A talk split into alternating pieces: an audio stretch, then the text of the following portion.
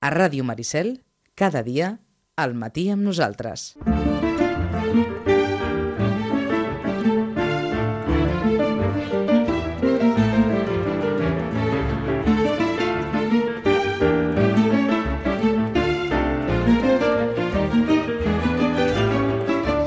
Onze i 16 minuts, és dimecres, és 8 de juny i els diaris d'avui s'han despertat mirant a París.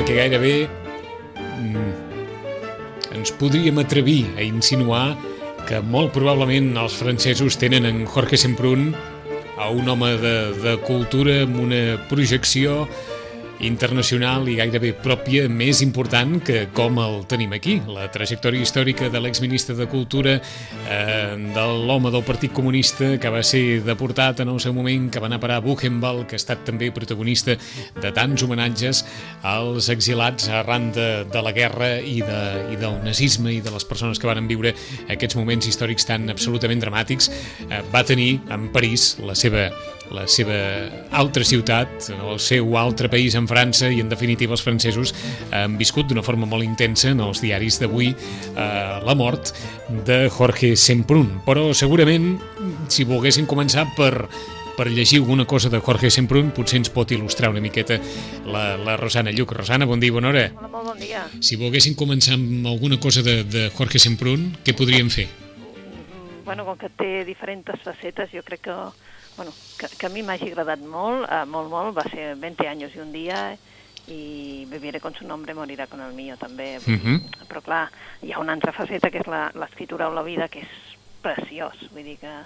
Ui, seria difícil, no? Vull dir, seria difícil. Per això t'ho preguntàvem, per veure si, si, hi ha, Seria difícil, si hi ha algun llibre que ens pugui acostar a aquest univers eh, eh, sempre un, amb un home tan, tan multifacètic i amb una vida personal tan, tan intensa. Tan intensa, sí. Jo crec que, que bé, era, saps allò, d'aquells- aquelles persones que t'encantaves, mm, vull dir, escoltar-lo, perquè, Mhm. bé, a part de les seves vivències, vull dir, tot aquell, de dir, hosti, quina cultura, no? Vull dir, sí, eh? els francesos se l'han fet seu, Mm. eh, és cert, vull dir, ha viscut molts anys a França, però per nosaltres també és el Jorge Semprún, no? Mm. El nostre, vull dir, en definitiva, els llibreters li estem molt agraïts perquè durant, va ser si no m'equivoco, eh? durant el seu mandat va ser quan ell va, va dir IVA, hem de baixar l'IVA dels llibres, hem de baixar el llibre dels llibres, i en aquell moment el teníem molt alt, i vam arribar al 4, cosa que...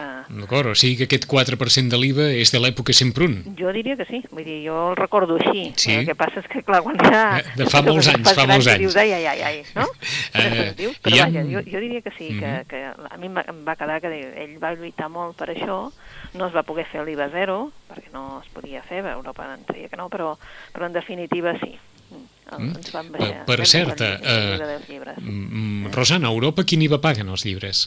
Depèn, depèn, Depèn. del país molt, molt alt, eh? O sigui, els, països no, els països nòrdics molt alt, com Vaja. comparat amb, el nostre. Tothom s'està acostant, diguéssim, perquè hauríem d'acostar-nos a tots, però, si no recordo malament, Alemanya és un 6, per exemple, Mm. vull dir que tots paguen bastant més que nosaltres.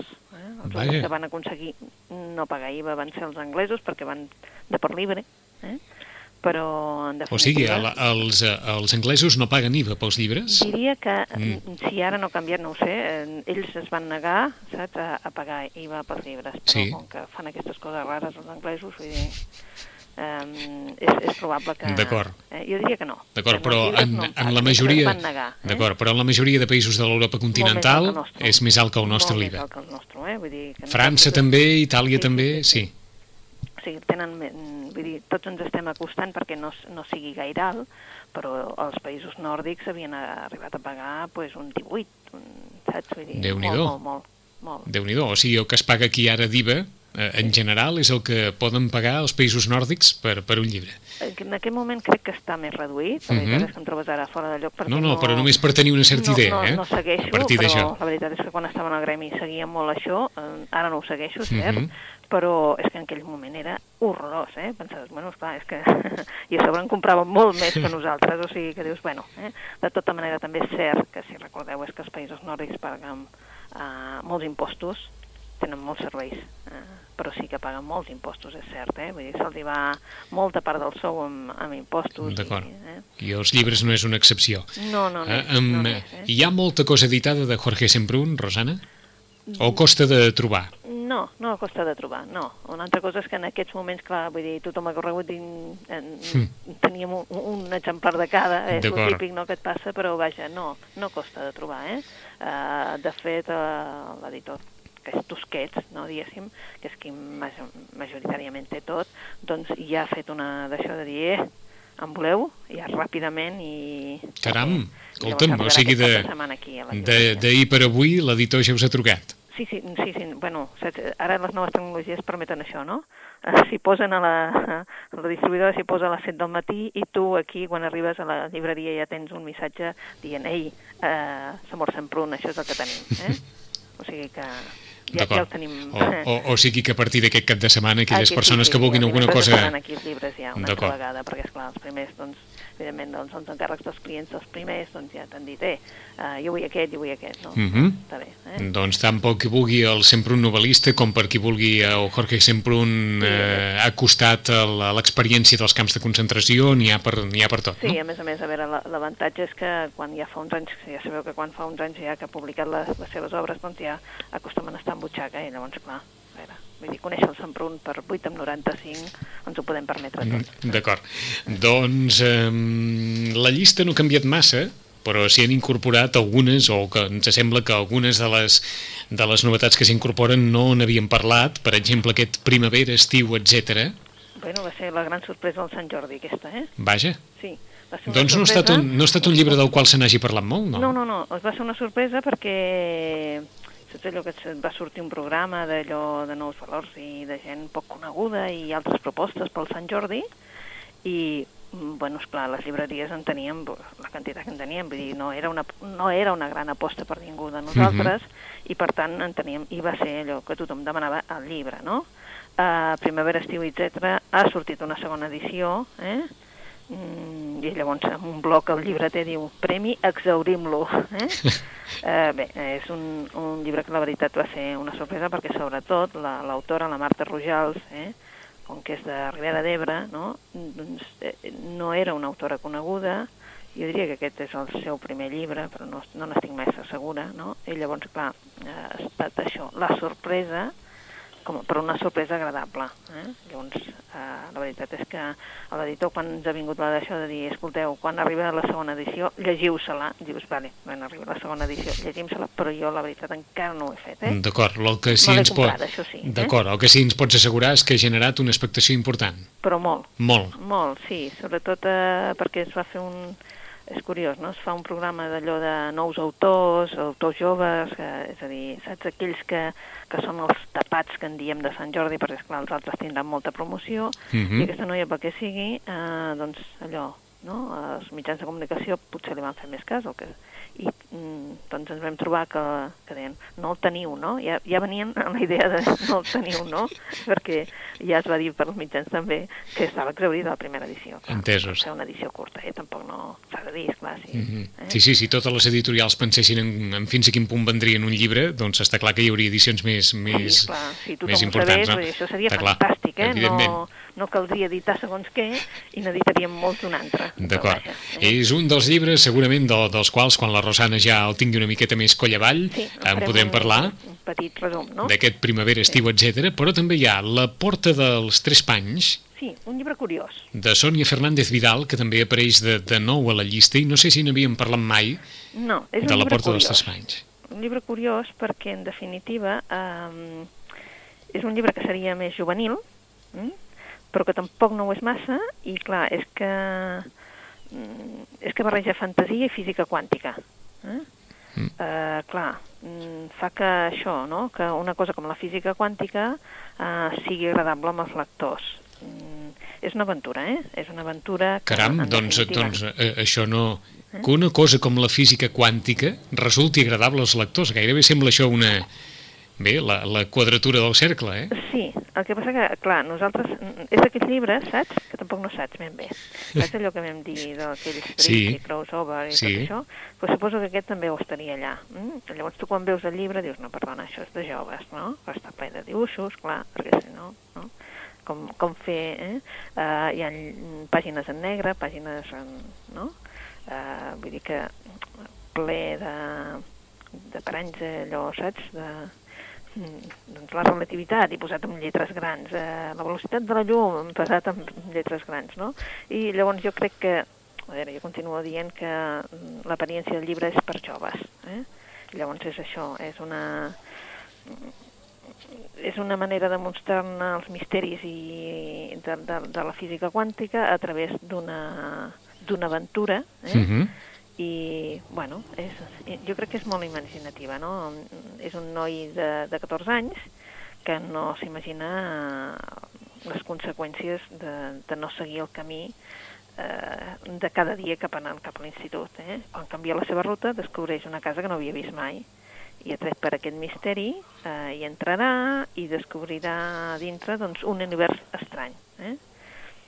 Vaja, és allò que ens diuen que dins del món quàntic passen coses sorprenents, eh? Mm. Una guerra entre la matèria i l'antimatèria, desaparicions, eh, es posa a prova la relativitat del temps, mm, en Nico, que és el, el protagonista, té la missió de retornar a l'equilibri eh? entre el seu món i l'univers quàntic que acaba de descobrir. Per això dic que hi ha darrere doncs, hi ha, eh? Hi ha una espècie de glossari, eh? que està bé. perquè D'acord, si per poder-nos ajudar una mica, no? Exacte, el que és un forat negre, la força de la gravetat, eh? eh, el que és un fotó, mm, un leptó...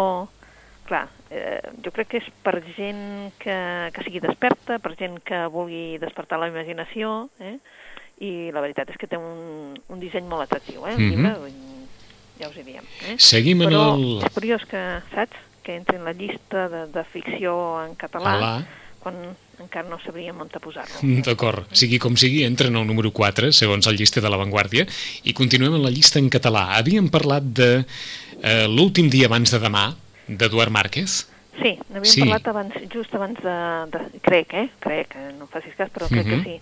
Just abans de Sant Jordi. Sí, senyora, que... aquest, eh, aquesta persona que troba un amic proper convertit en captaire. Entesos? Sí, és, és, és, aquesta és una excusa, però en definitiva ell ens parla també del dolor, eh? de perdre un fill, eh? del dolor de, de, de la separació. Um, és uh, realment el Eduard Márquez um, ja va escriure, uh, de fet, el, el de Brander, que era, uh, i uh, el, dels arbres, a mi em va agradar molt, i la veritat és que amb aquesta la vaig disfrutar. És una novel·la, eh, sembla que era Signis de febrer, això, era Signis, la decisió de Brandes, que era Mhm. la darrera abans d'aquesta, em sembla, i el silenci dels arbres, que la vaig trobar preciosa. Eh? I en aquesta també us encantarà, heu d'estar, perquè la novel·la doncs, va entre episodis de, de que reconeix amb un amic eh, que s'ha convertit en un captaire, llavors no sap què fer, perquè esclar, si la, què fa, eh? Vull dir, i a part doncs està recuperant mm, doncs, eh, records de, del seu passat. Mm? És una Mhm. novel·la preciosa, una novel·la molt curteta, i jo crec que es mereix estar aquí també. Mm, D'acord. Havíem parlat d'empremtes que mai s'esborren? No sé si vam arribar a parlar, aquest és el cinquè títol de la Camila Lackberg, eh? que potser sí que vam, no ho sé si Jo no, jo no, re, no jo no ho recordo, no? però, No. però per si de cas, doncs comentem empremtes que mai Comentem s'esborren. breument. Uh, és Ahà. que va ser, per nosaltres va ser un, un èxit en el sentit de que uh, la Camila Lackberg, que va començar amb la princesa de gel, hem de dir que es va començar primer en castellà, i llavors al veure l'èxit es, va parlar- es va passar també en català. Però hem anat recuperant en català, hem anat recuperant les novel·les anteriors. Vam començar a partir d'una i hem anat recuperant les anteriors, no? Mhm. Ara les tenim totes i amb la qual cosa aquesta empremtes que mai s'esborren va sortir abans en català que en castellà. Això ha sortit ara en, en castellà, ha sortit fa res, fa molt poc, i en canvi en català ja havia sortit. Va sortir just abans de Sant Jordi. Això també fa que, bueno, eh, també és un èxit per nosaltres, no? Sí. Eh, en aquesta és una novel·la una altra vegada en la que surten els mateixos personatges, aquella escriptora eh, casada amb un, amb un investigador, amb un policia, diguem-ne, i que ara tots dos, en definitiva, mm, resolen crims. Eh? Mhm. Eh, És la Erika Folk i el Patrick eh, Hedstrom. Eh? Mm, són pistes de dos assassinats que porten a un secret del passat. Eh? Um, bueno, vas a, endavant i endarrere en el temps, en la Suècia del dècada dels 40, i en definitiva, bueno, és allò que els apassionats de la novel·la policiaca, aquestes novel·les són molt entretingudes i la veritat és que es llegeixen amb un res. Eh? Són recomanables perquè es llegeixen molt fàcilment. D'acord, o sigui, de, de lectura molt, molt senzilla per una tarda en què no es vulgui... Exacte. Eh? Sí, saps que t'asseus i, bueno, eh? sobretot si ja coneixes d'on ve la història, perquè en la primera, en la princesa de gel, Uh -huh. ens explicava la història, no? Perquè si no, una escriptora que arriba al seu po uh, poble natal, que era a casa del pare, uh, i que la conviden a, a fer un, una petita ressenya d'una un, amiga de, de, de jove, diguéssim, uh, que s'ha suïcidat. I llavors ella comença a tirar del fil per, per escriure quatre notes, perquè feia temps que no es veien, i al final del tirar del fil eh, bueno, es posa a investigar, diguéssim, no? I a partir d'aquí doncs, coneix el Patrick. Eh?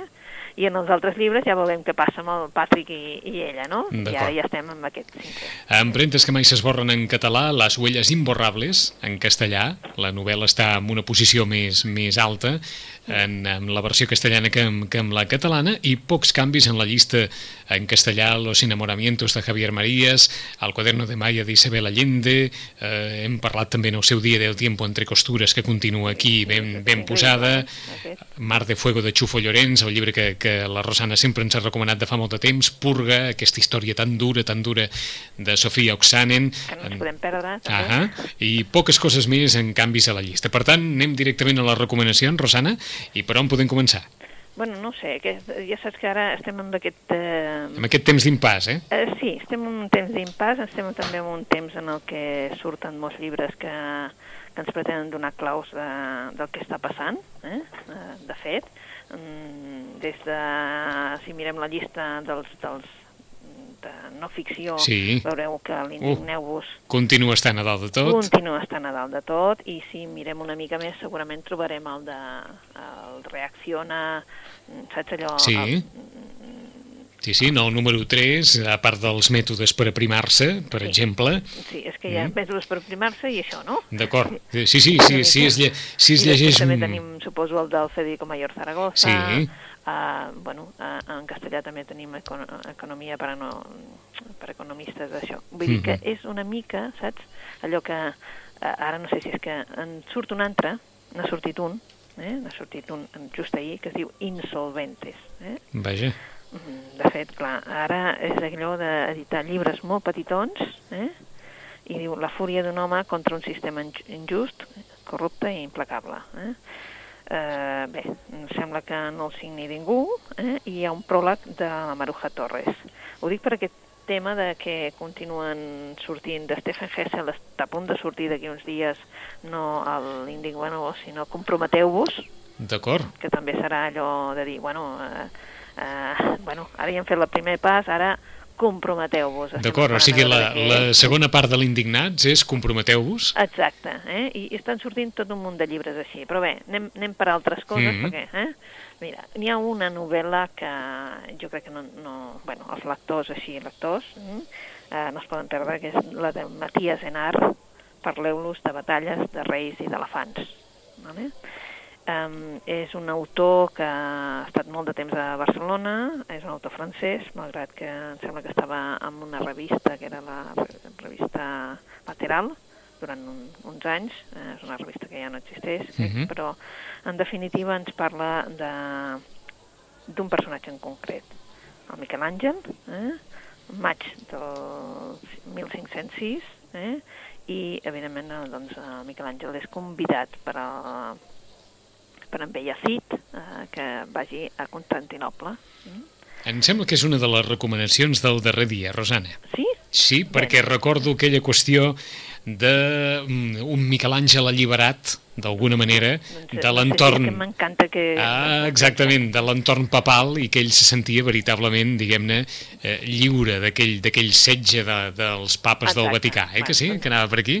Potser sí, sí, sí, Eh? sí segur que és aquest. És aquest, És aquest, eh? Com a mínim és aquest. És doncs aquest. mira, passem a un altre. Però en qualsevol cas, tornem a repetir títol i autor, perquè val la pena, com ens deia la Rosana, és un llibre que l'havia entusiasmat, no és, apareix... És una petita joia, perquè és que és molt curtet, eh? Però també és veritat que és més per lectors, així que els agrada molt doncs, eh, la literatura. Però ho tornem a repetir, de Matías Enar, parleu-los de batalles, de reis i d'elefants. I d'elefants, exacte. Eh? A partir de la vida de, de Miquel Àngel i de com, d'alguna manera, un encàrrec el va alliberar d'aquest jou papal que el mantenia lligat uh, al, al Vaticà.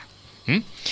Sí. Vinga, per on seguim? Seguim per un novel·les així com a més... Eh, bé, diem-ne que com que els temps són així una mica convulsos, doncs potser que llegim coses que ens, que ens apacigüen l'ànim. Eh?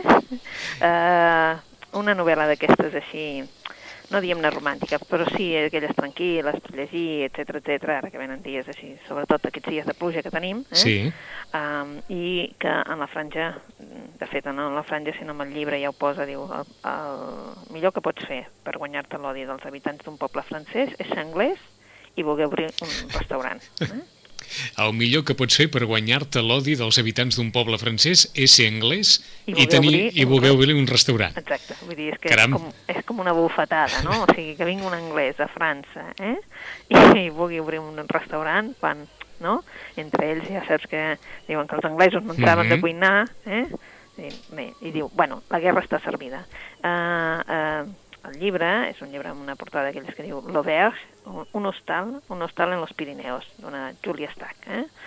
Uh, de fet, a l'autora no, no la coneixem, vull dir, la Julia Stack viu als Pirineus, eh? Mm. I, i realment té un, un alberg d'aquests, eh? I ha estat treballant en una segona obra, eh? que suposo que li dona tema això de, de, de, de tenir un alberg, doncs li dona tema per... D'acord. Que és que és una novel·la costumista, és una novel·la... Sí, sí. saps aquella, sí. D'anècdotes, Eh, sí. d'anècdotes del dia a dia i de situacions és, quotidianes. Més, és aviat una, una, saps allò, un tipus de, de novel·la així, de viure a la Provença, novel·la així que, que tu el que tens és ganes d'anar allà. Eh? D'acord. Estem parlant d'un petit poble de, dels Pirineus francesos, eh? i clar, es, estan revolucionats. Eh? Per què? Pues perquè hi havia un, un alberg d'aquests, un auberge, eh? que eh, l'ha adquirit una parella d'anglesos eh, en, en comptes eh, del cunyat de l'alcalde. Com tots, tothom ja ho tenia go- gol avall. Eh? Eh, clar, estan horroritzats. Estan horroritzats de que uns anglesos portin un restaurant i, clar, ells es temen que serà un desastre gastronòmic, no? Uh, L'alcalde uh, vol venjança, eh? I després d'enterrar-se la notícia, bueno, posa un pla en marxa per, per, per, clar, per foragitar aquests, aquests Sí. recient vinguts. Eh? L'alcalde no sap és que un dels seus concejals, el Cristian Dupi, és un home íntegre i no li pensa posar fàcil aquest tema. Eh? A poc a poc, altres veïns aniran agafant allò els hi agradaran aquests anglesos i a l'hora d'enfrontar-se amb aquest alcalde dolent, diguéssim, no es, no es trobaran sols. És una, és una novel·la d'aquelles, com tu deies, una mica costumista, una mica d'aquelles, eh? que t'hi trobes bé, que veus, doncs, que, bé, que deu ser preciós viure en un, en un lloc així com els Pirineus francesos, uh -huh. en un estal, eh? i viure una, viure una vida més tranquil·la. Uh -huh. Té punts d'humor la novel·la perquè la situació, diguem-ne, que Sí, permet sí, trobar-ne, sí, eh? sí, sí, Sí, sí, en té, en té. Eh? Vull dir, és així, saps? Vull dir, aquelles coses entre francesos i anglesos, que, Sí. aquells tòpics, eh? D'acord, per tant, qui, tòpics, qui s'ho vulgui passar bé, Un hostal en los Pirineus, de Julia Stack, novel·la, com els dèiem, situada en aquest, en aquest albert dels Pirineus francesos, eh, dins d'un poble que s'havia revolucionat perquè l'ha comprat una parella d'anglesos quan tothom suposava que seria per un parent de l'alcalde. Bé, doncs, eh, una proposta també interessant per, per aquestes tardes ja més, més lleugeres. Per on seguim, Rosana? Sí, mira, aconseguim pues, un- una que comenci la festa del Nicolò a, a Maniti. Eh? És una novel·la que alguns han dit que és una novel·la una mica gamberra, eh? en definitiva és, eh, bueno, és eh, d'aquí no se salva ningú, és una novel·la, doncs, bueno, eh, diuen que és una novel·la truculenta en el sentit de dir, bueno, ho destripa tot, no? Uh, hi ha un constructor, el Sasa Chiatti, que organitza la seva residència, eh? allà al cor de Roma, una festa, una festa d'aquelles que passarà com sigui el, la festa de l'any. Eh? Uh -huh. uh, bueno, la festa. Benvinguts a la festa, diu, no? Entre cuiners búlgars, uh, negres reclutats a l'estació Termini, uh, cirurgians estètics, actrius futbolistes, uh, tigres, elefants, eh, el Fabrizio Chiva i les bèsties d'Abaddon, eh, i, i fins i tot doncs, una secta satànica, eh, protagonitzen una aventura d'herois i la veritat és que és una comparsa de gent, eh, disparatats, perquè donen com, com una pinzellada d'allò del que seria una comèdia humana. Eh? Uh -huh. L'Amaniti eh, ens vol fer riure, eh? i llavors, bueno, eh, què fa? Doncs plasmar tots els vicis i, i les diguem-ne, virtuts, entre cometes, de la nostra època en una novel·la que la veritat és que estàs rient. Eh? Per què? Pues perquè aquí no es perdona ningú, ni ideals ni sentiments. I al final, doncs, bé, eh, no ens podem creure, vull dir, ni prendre en sèrio, diguem-ne, res del, del que està passant. Eh? És, eh, escolleix tots aquelles eh, icones de la de, de, de lo que seria la nostra cultura i les va desfent, no? Eh, és una comèdia, eh? una comèdia que és una fotografia, diguéssim, una mica deformada de, de tot plegat, i la veritat és que se'n burla absolutament de tot, fins i tot d'ell mateix. Eh? D'acord, o sigui que... Dels d'autors mhm. -huh. superficials, dels cínics, eh, d'aquella gent que som capaços de fer-los eh, cantants quan ni ho són, eh, saps allò? Absolutament de tot, eh?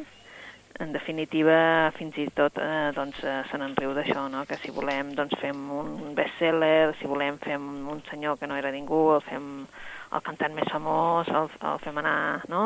a concursos, etc representant sense que ningú... Doncs, bé, eh, en definitiva, vol riure mm, i potser serà una de les novel·les en què, m'entens? Vull dir, si algú vol riure, això sí, eh? d'una manera molt cínica, eh, doncs té que comenci la festa de Nicolò amb Maniti. D'acord, o sigui que a partir d'aquesta festa, d'aquesta gran festa de la festa de l'any a Roma, sí. hi ha aquí un, un rosari de, de la condició humana, vaja. Exacte, amb molta ironia, amb molta sarcasme, no?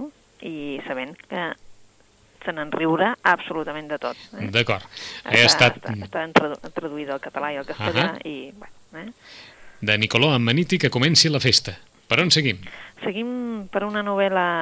Mm, mm, agafem els aires, agafem aires d'altres llocs i jo us recomanaria una, que és la, una de les darreres que he llegit, que és de la Tris Anna, que es diu Esperando el Monzón que és una novel·la sobre la Índia, uh -huh. sobre la Índia, però també una història que podria ser una història d'amor, una història de retrobament. En definitiva, hi ha dos personatges centrals, eh? la Charlotte i el Madan. Eh? Uh, la Charlotte uh, Bridgewater uh, viu amb el seu pare, viu tranquil·lament, amb un casalot, eh, el seu pare és un militar britànic retirat, i la veritat és de que viu en aquelles cases, diguem-ne, típiques de la Índia, que veus que són reflexe d'una època daurada en el que hi havia els britànics i que això doncs, va decaient d'alguna mhm. -huh. manera. Eh? Com també, evidentment, va caure el, el seu imperi. No? Estem a Rampur, estem a l'any 95 i de fet, eh, la Charlotte encara eh, eh, té molt pocs recursos per sobreviure i el personatge doncs, que realment eh, els hi treu les castanyes doncs, són el, el, el fidel servent que tenen a casa. No? En el 46, si retirem una mica més enrere, llavors anem al 45 i trobem un nano, un nano eh, mut, uh -huh. un nano que és un nano del carrer, que l'han abandonat, mm, que ell viu a les carrers de Bombay sense, vull dir, sense recursos, sense conèixer doncs, ni els seus orígens ni, ni saber per què, per què ha quedat tan desemparat. Però, de fet, algú l'agafa i eh, li dona una agulla i fil. Mm? Evidentment, en plan de, de, de, de poder-ne treure profit, eh? Sí. Però això serà, es veurà que aquest nano té un do, un do per, per la costura i es convertirà en un sastre mm, molt reconegut, eh? aquell que tothom crida per confeccionar les, les millors robes d'aquest país. Eh? Mm, en un moment donat, eh, els destins de la Charlotte i el Madden es creuaran perquè hi ha una festa a Rampur, hi ha una festa, uh, una festa d'aquelles com les que vol recordar les d'abans, on hi va el més granat de la societat, i precisament el més granat de la societat seran els que requeriran els serveis del Madan per fer-los doncs, vestits. Eh? I ell s'allotjarà en aquesta casa. a partir d'aquest moment veurem que la Charlotte i el Madan sí tenen coses a dir, malgrat que ell és mut. Potser té més coses a dir-li ell eh? i parlar-li també de coses del seu país i de que ell es reconegui. És una novel·la, doncs, una història d'amor, eh? amb un final doncs, que haureu d'investigar. Mm -hmm. és una Índia d'aquelles de, de distintes èpoques mm, del segle XX, no? però en definitiva que veiem que hi ha, hi ha hagut un passat britànic, un passat que doncs, ja no hi és i que doncs, eh, encara té uns vestigis allà. Mm -hmm. Destins que es creuen en aquesta història d'amor gairebé plantejada com les d'abans, diríem, eh, Rosana? Sí, sí, sí, una història de, de les d'abans, eh? Mm -hmm. d'aquelles que, bueno, que, que van bé quan estàs així d'aquest dies saps tristois, perquè no sé si em sembla que tothom això del, de que plogui tants dies seguits ens està... Eh? L'ànim se'ns va... Et, et anava a preguntar, però, quan, quan començaves a, a desglossar la novel·la, si és una altra novel·la sobre la Índia, de les tantes novel·les sobre la Índia que hi ha? De fet, a veure, sí. Sí. Mm, és una altra novel·la sobre la Índia eh, en, i en definitiva ens serveix per, per reconèixer doncs, eh, trets, no? De la, és una novel·la per, a, per passar una estona. D'acord. No, no hem de dir que serà una novel·la d'aquelles. Eh? L'únic és que té... Bueno, la Índia ens plasma molts de colors i l'autora, donat que ve del món audiovisual i és una autora que, que viu a Holanda, eh? doncs també és cert que s'ha vingut doncs, reconèixer olors, colors i ens es plasma la novel·la. D'acord. Potser també ens porta cap a una mm -hmm. Índia que tots ens és una Índia meravellosa. De Trisana Esperando al Monzón i temps tenim, Rosana, per una darrera recomanació. Doncs una darrera que, que arriba ja, eh, que arriba aquests dies, és una nova novel·la del Camilleri. Però, mira, no, sabem que el Camilleri té aquelles diferents branques de novel·la, eh? Mhm. el comissari Montalbano i unes altres. No? En aquest cas, el vestit gris no és una novel·la de comissari Montalbano, sinó una novel·la, podríem dir, d'amor. Jo més aviat diria de desamor, però bueno, en tot cas, una novel·la en el que hi ha dos personatges centrals, eh? l'Adel i el seu marit. Uh, el seu marit doncs, és un senyor que ha treballat a la banca durant moltíssims anys, que es va quedar víduo, eh? Uh, la seva dona va morir fa anys, mm, després de 17 anys de matrimoni, mor a la dona, ell té un fill, el Luigi, el Luigi es queda molt colpit per la mort de la seva mare, ell, pensant que fa bé, doncs l'envia cap a Londres a casa d'uns parents, i al cap d'un temps, doncs, ell eh, troba una dona, una dona que ell, eh, l'Adel, és una dona jove, una dona que el seu marit, precisament, treballava en el banc amb, com a tutelat eh, d'ell. I a través de donar-li el pèsam, mm, la veu vestida amb un vestit gris, li dona molta d'això, i a partir d'aquell moment ells dos comencen. Tant que doncs s'inicia la relació i acaben casant-se.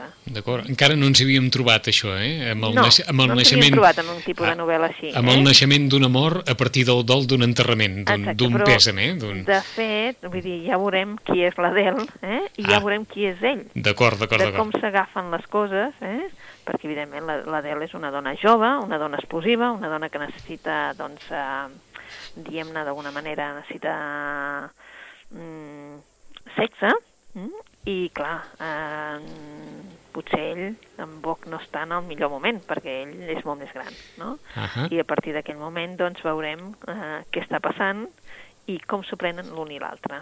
I quin joc porten tots dos, eh? Que arriba fins a les últimes pàgines. Mm, és curiós el punt de vista d'ell. No, no ens ho dius, però el, eh, el fill, Luigi, intervé en aquesta relació o no? El Luigi, el Luigi se'n va i fa la seva vida a Londres. Eh?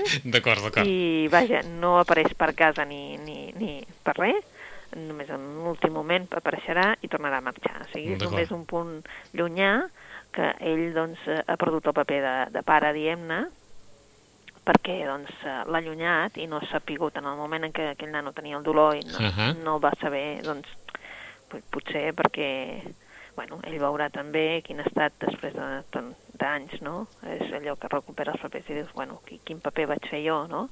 I la veritat és que el Luigi no, només apareix així, no? De, Mhm. Desquitllada perquè, en definitiva, doncs, eh, la relació important és la d'Adele i ell, eh, del, del pare i la dona. D'acord, és que dona tota, dona Eh? tota la sensació d'una senyora que aprofita la circumstància. Sí, aprofita les circumstàncies, però no, no cal que sigui el fill, saps? Vull dir, allò... D'acord, d'acord. Eh, bueno, l'aprofita bé, eh? Vull dir... L'aprofita bé. Sí, sí, ella fa, diguéssim, la seva vida, eh? I de com ell, doncs, eh, el paper que juga ell és, és mm, un paper que tu vas veient perquè t'ho va explicant ell, no? I va fent un joc, eh? Està bé, està molt bé. La novel·la es llegeix amb un no-res, saps? Vull dir, és allò de... És una novel·la curteta, Mhm. eh, però és graciós veure el Camilleri, eh, eh, no?, eh, sortint de, de novel·la històrica i sortint de novel·la Policiaca. de novel·la policíaca, una novel·la molt més realista, una novel·la doncs, eh, que es planteja doncs, això, els sentiments humans. No? D'acord, perquè ens l'has definit com una novel·la d'amor, però Sí, una novel·la d'amor. D'amor eh, interessat? Molt, eh? d'amor interessat? Eh, totalment, Totalment. totalment. Eh? Ho diem Llavors- més que res per definir-ho allò abans que, que algú vulgui anar a buscar el llibre. Per les dues bandes. a Aquí està, interessat per les dues bandes. Sí, perquè sempre pots fer alguna cosa tu. Eh? D'acord, d'un amor, d'un amor de conveniència, vaja. un amor de conveniència, un amor eh, que té aquell component sexual des del primer moment, no? I què passa amb aquest component quan, doncs, eh, sembla... No, la reflexió és si, si tots dos, eh, en un moment, què, què passa quan ella decideix posar unes regles de joc i per què les accepta ell, no? D'acord. La pregunta D'acord, és, eh, és curiós. És D'acord. molt curiosa la novel·la, dir, és allò que te l'empasses. La veritat Mhm. és que te l'empasses, eh? Vull dir, suposo que és la maestria, de, perquè no, no és allò que diguis, home, no és un, una novel·la aquella de dir, uah, donar nom al Caminet, no, però és una novel·la diferent i, a més a més, el que podia haver estat tractat per, un, tractat per un altre seria una novel·la sense, sense interès, aquí en té, eh? I la veritat és que estàs pendent de la novel·la fins a l'últim moment. d'acord. Doncs anem a fer un repàs a aquest eh, seguit de novel·les que ens ha recomanat la Rosana. Avui en recuperem una de l'últim dia, de Matías Senar, Parleu-los de batalles de reis i d'elefants, aquest autor francès que ha agafat la figura de, de Miquel Àngel i l'ha situat en un entorn en un entorn en què el propi artista se sent lliure. Estem al segle XVI, inicis del segle XVI, al 1506. Això per un costat. Per un altre, qui s'ho vulgui passar bé amb una novel·la costumista que situa la història en un hostal petit del Pirineu que han adquirit una parella d'anglesos i que es troben en un poble gairebé revoltat perquè el poble ja donava per fet que aquest hostal seria per un parent de l'alcalde, però resulta que l'alcalde vol reconduir la situació i trobarà un regidor íntegre que no li posarà fàcils les coses. El llibre es titula, com us dèiem, la novel·la es titula Un hostal en los Pirineus, de Julia Stack. La, la Rosana també ens com- ens ha comentat i ens ha recomanat, perdó, que comenci la festa de Niccolo Amanniti, eh, una novel·la gairebé esbojarrada a partir d'una festassa a Roma, de la festa de l'any a casa d'un constructor a Roma i que acaba convertint la, la novel·la en una, això, en una comparsa de gent, en una comèdia humana gairebé feliniana, pel que ens definia la, la Rosana en la seva glossa del llibre. De Trisana, Esperando el Monzón, una història d'amor com les d'abans, situada a l'Índia, dues històries paral·leles, la d'un noi nascut a l'any 1946, mut, que va ser abandonat a Bombay i que en el seu dia li varen donar fil i agulla per gairebé tenir-lo mig escalavitzat i resulta que ell mateix va aconseguir posicionar-se com a sastre reconegut. Ell coneixerà a la filla d'un militar retirat que viu en una casa a Rampur, la coneixerà a través d'una festa i a partir d'aquí una història d'amor, com ens deia la Rosana, com les d'abans, Esperando al Monzón de Trisana. I finalment, el darrer llibre d'André Camilleri no se'n va a la figura del comissari Montalbano, sinó que proposa aquesta història d'amor, eh, d'amor de conveniència entre Adele i el seu marit banquer vidu que té un fill amb qui està molt distanciat i aquesta diferència d'edat farà que s'estableixi una relació amorosa a partir d'uns criteris diguem-ne que poc relacionats eh, o no estrictament relacionats amb la, amb la virtut de l'amor, sinó en altres coses. El llibre es titula, la novel·la es titula El vestit gris, com us dèiem, nova novel·la de Camilleri, que es llegeix, eh, diu la Rosana, amb un no res. En 15 dies hi tornem, Rosana, que vagi molt bé i en 15 dies més novetats. Més novetats en 15 dies. Moltes Gràcies, adeu-siau, bon dia.